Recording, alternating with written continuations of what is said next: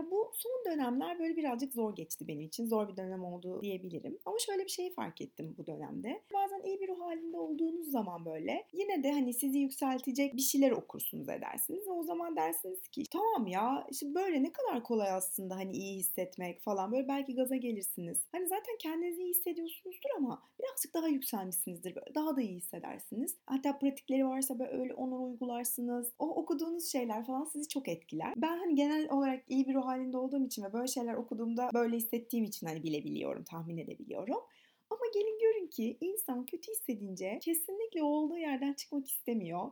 Ve yani değil hani bir şeyler okumak, dinlemek yani sadece böyle o bataklıkta durmak istiyor. Ben de yine bu dönemde okuduklarımın, dinlediklerimin faydasını gördüm ama öyle biri olsun ki ya öyle bir şey olsun ki 24 saat boyunca yanımda dursun ve bana böyle nasıl düşünmem gerektiğini söylesin. Bana böyle duymak istediklerim ya da beni yükseltecek şeyler söylesin istedim. Ancak o zaman belki normal olarak fonksiyonlarımı yerine getirebilirdim. Değil o zamanlar hani böyle okuduklarımı pratik etmek Hani canım hiçbir şey okumak dahi istemiyordu. Zaten okusam da okuduklarımı pek anlayamıyordum. Böyle bir zihnimi bir türlü odaklayamıyordum. Derken bir tane kitap beni yakaladı. Aslında bu podcast'ın konusu da o kitap. Böyle birazcık geriden girdim. Hani kitabın beni ne halde yakaladığını söylemek için. Beni yakaladı derken bu arada gerçekten yakaladı. Kitabın adı How to Do the Work. Mayıs ayında yayınlanacakmış Türkçesi de. Beni kitap yakaladı derken bu arada gerçekten yakaladı.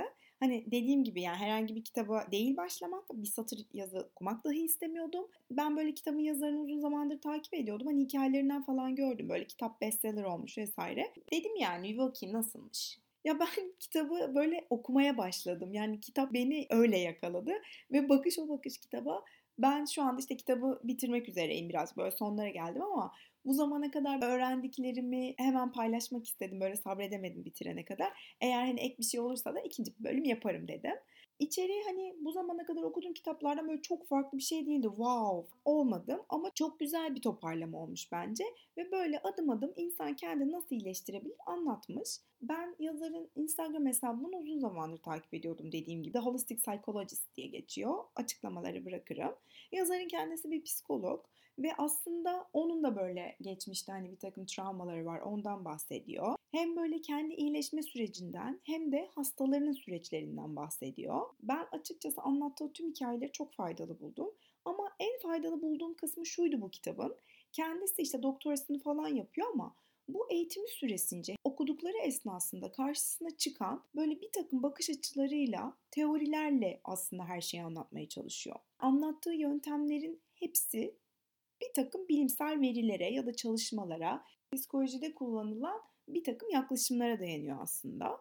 O böyle bazı yaklaşımlarla karşılaştıkça onları gerçek hayata yedirmeye çalışmış ve o akademik bilgiler böyle bir şekilde pratikle harmanlanmış ve bence bu çok değerli. Kitap aslında temel olarak şöyle bir fikre dayanıyor. İnsanın kendi kendisini iyileştirebilmesi mümkün. Yani benim genlerimde şöyle bir şey var ve ben artık böyle biriyim.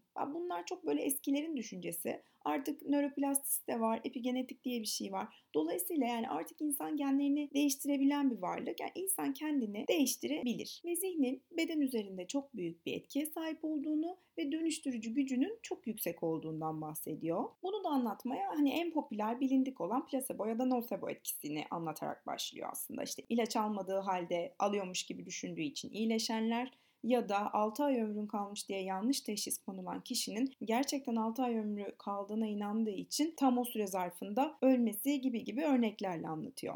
İnsanın kendini iyileştirmesinin özünde de bu yatıyor diyor. Zihni eğitmek. Ama bu böyle hani yaptım oldu hadi bakalım bir kursa girdim bunu yaptım oldu gibi bir şey değil. Her gün buna emek vermek lazım ve zaman koymak lazım. Bu bir süreç diyor tabii ki. Şöyle bir araştırmadan bahsediyor. Ben çok çarpıcı buldum. İnsanlar günlük sadece %5'lik bir vakitte bir şeyleri farkındalıkla yapıyorlar. Yani yaptığımız her şeyi aslında biz otopilotta otomatik olarak yapıyoruz farkındalık koymadan. Zihni eğitmek de zaten bu %5'lik dilimi arttırmak üzerine. Bu da şu demek, bu otopilota bir dur demek. Piraye'nin seyir kitabından bahsettiğim bölümde de böyle birazcık bundan bahsetmiştim ama yine bahsedeceğim. Otopilota bir dur demek hani o kadar da kolay bir şey değil. Çünkü bu otopilotun aslında şekillenmesinin de bir nedeni var.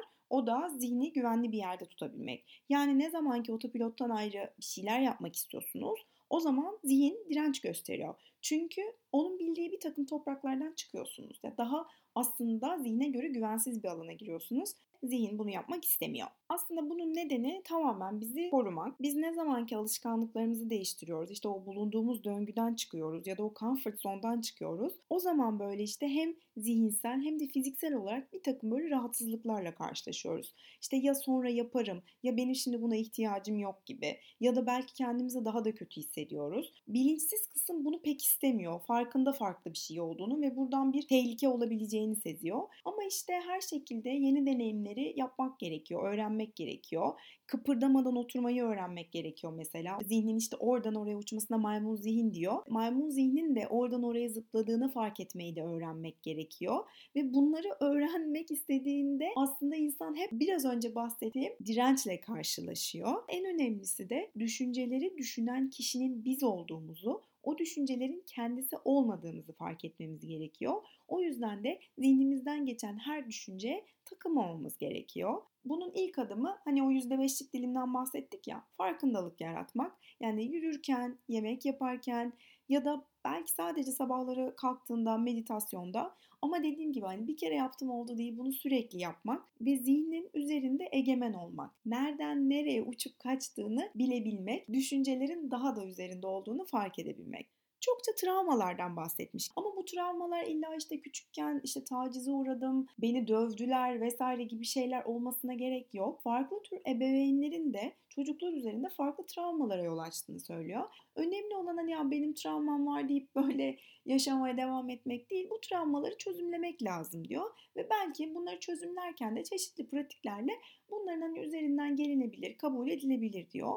Çok fazla pratik var kitabın içerisinde. En güzel kısmı o. Mesela kitaptan hani bir örnek vereyim. Şu hani çok sık duyduğumuz bir ilişki biçimi var ya. Mesela bende de var. Böyle nereden canımı acıtacak, beni üzecek ya da ne bileyim bana gerçekten sevgisini vermeyecek biri var. Ben hani gidip onu buluyorum diyen tipler. Bu huzurlu bir ilişki yerine genelde böyle işte kendilerini aşağılayan, kötü hissettiren insanlarla mutlu olduklarını ileri süren tipler var. Onlar için mesela şey diyor. Eğer kişi sevgiyi böyle kodladıysa yani eğer hep sevgi diye kodladığı şey o acıyı içeriyorsa o zaman hep o acıyı isteyecektir ve o acıyı yaşayacak. Bilindik şey o. Yani o sevgiye aç olma hali, o sevgiye dilenme halini çocukluktan beri aslında sevgi diye kodladıysa zaten ileride de ya da şu anda da yaşadığı ilişkinin içerisinde o sevgiye dilenme halini arayacaktır ister istemez diyor. Bu işte bilinmeyenin topraklarına girmek istememeyle alakalı. Tam olarak da bu derde derman olacak pratikler sunuyor bir şeyler yapın diyor. Bu arada kendisi Future Self Journal diye bir şey çıkardı. Ben bunu epey bir süre yaptım ve gerçekten çok iyi hissettirici hem de insan dönüştürücü bir şey ve bu günlük farkındalığını da arttırıyor. Onun linkini de paylaşırım yine. Bu Future Self Journaling dediği şey tam olarak şöyle bir şeye dayanıyor. Şu anda hissettiğin kişi kim? Sen gelecekte kendini değiştirmek istesen nasıl biri olursun? Ve o zaman hadi şimdiden öyle hissetmeye başla. Ya da en azından şu anki o memnun olmadığın hallere şahit olursan bunları bırak. Hemen fark et. Birazcık böyle buna yönelik bir journal ve ben işe yaradığını söyleyebilirim. Hatta tekrar başladım. Bana iyi geliyor yani. Dediğim gibi her gün bir şeyler yapmaktan bahsediyor ve neler yapmak gerektiğini de söylüyor. Hani hem bu geçmişte yaşanan travmanın ne olduğunu bulabilmek, hem onu onarabilmek, hem de günlük hayatta nasıl anda kalmayı başarabiliriz üzerine bir sürü pratiği var. İnsanın kendini iyileştirmesi tabii sadece meditasyonla ilgili değil. Bunun için işte beslenme şekli, uyuma düzeni, ne dinlediğin yani her şey her şey önemli. Ama yoga yapmak özellikle bu aşamada çok önemli diyor ve bunun da neden önemli olduğunu bir takım rasyonellerini sunuyor. Ben ikna oldum açıkçası. Bunlarla ilgili de böyle önerileri var. Çok güzel böyle tane tane anlatmış. Yani bu süreçte kendinizi iyi hissedecek neler yapabilirsiniz diye. Kendi hikayesini ve bunun üzerinden gelme yolunu da sevdim. İlk böyle hani açıldığı dönemde, cinsel kimliğinden bahsettiği dönemde annesinin çok ağır tepkilerine maruz kalıyor ve kitapta onu yazmış. E, annesi sonra arayıp kızıyor yani niye sen bizi böyle hani öcü gibi gösterdin diye ama gerçek buydu diyor o da. E, bir de böyle bir hikayesi var onun. Postlarından birinde yazmıştı. Kitabı dediğim gibi tam bitirmedim. Bitirince yeniden böyle bende bir şeyler canlandırınca e, yeni bölüm kaydederim. Ama böyle bir toparlamam gerekirse kişi düşüncelerinin üzerinde tahakküm kurarsa zaten istediği gibi hissedecektir. Öyle çok da diplere düşmeyecektir diyor. Bana inanılmaz iyi geldi. Sadece o değil farklı bir takım şeyler daha okudum. Onları da yine böyle zaman zaman paylaşırım ama şu anda gerçekten hiç olmadığım kadar iyi hissediyorum. Şimdi bitirmeden e, böyle dedim ya hani bir takım araştırmalardan da bahsediyor vesaire diye bir araştırma vardı. Benim çok hoşuma gitti. Hemen böyle kısaca onu da anlatayım öyle bitireyim istedim. 1979 e, yılında yapılıyor bu araştırma ve böyle yaşlılar evine gidiyorlar bir tane o yaşlılara da şey diyorlar yani 20 yıl öncesinde yaşıyormuş gibi hareket et diyorlar. Öyle yaşa diyorlar. Ve her şeyi değiştiriyorlar 20 yıl öncesi gibi. İşte bütün dekor, kıyafetler, o zamanın gazetelerini, dergilerini getiriyorlar. Böyle her şey 20 yıl öncesiymiş gibi düzenleniyor. Böyle 50'lerdeymiş gibi yaşamaya başlıyorlar. Yaşlılar da öyle giyiniyor. Ve sonra sadece bir hafta geçiyor. Yaşlıların bu bir hafta içinde işte bazı hastalıklarının azaldığına, entelektüel seviyelerinde artış olduğuna tanık oluyorlar. Böyle before after fotoğrafları çekmişler ve after'daki fotoğraflarının before'dan daha genç olduklarına kanaat getiriyorlar. Yani şuraya varıyor konu. Zihin o kadar güçlü ki insanın fizyolojisini de etkileyebiliyor ve onu kandırmak aslında çok kolay ki hani özellikle yaşlılar üzerinde yapıyorlar bu deney. Çünkü yaşlılar değişimi aslında o kadar da açık değiller ki düşünün e, siz neler yaparsınız. Bu arada yazarın zaten tam olarak ilgi alanı da bu zihin ve beden arasındaki ilişki. Yani tabii şunu düşünmeden edemiyorum bu araştırmaları vesaire okuyunca da hani insan zihni bu kadar güçlüyken, insan bu kadar güçlüyken, değişimi bu kadar gerçekleştirebilecek kudretteyken hani neden bazen kendini bu kadar güçsüz hissediyor anlaması gerçekten güç ama işte yaşadıkça bazı şeyleri öğreniyoruz. Demem o ki çok uzattım. Meditasyona, böyle günlük güzel alışkanlıklara, journal'lara devam. Güzel yaşayacağız bu hayatı ya. Herkese çok teşekkürler dinlediğiniz için. Görüşmek üzere.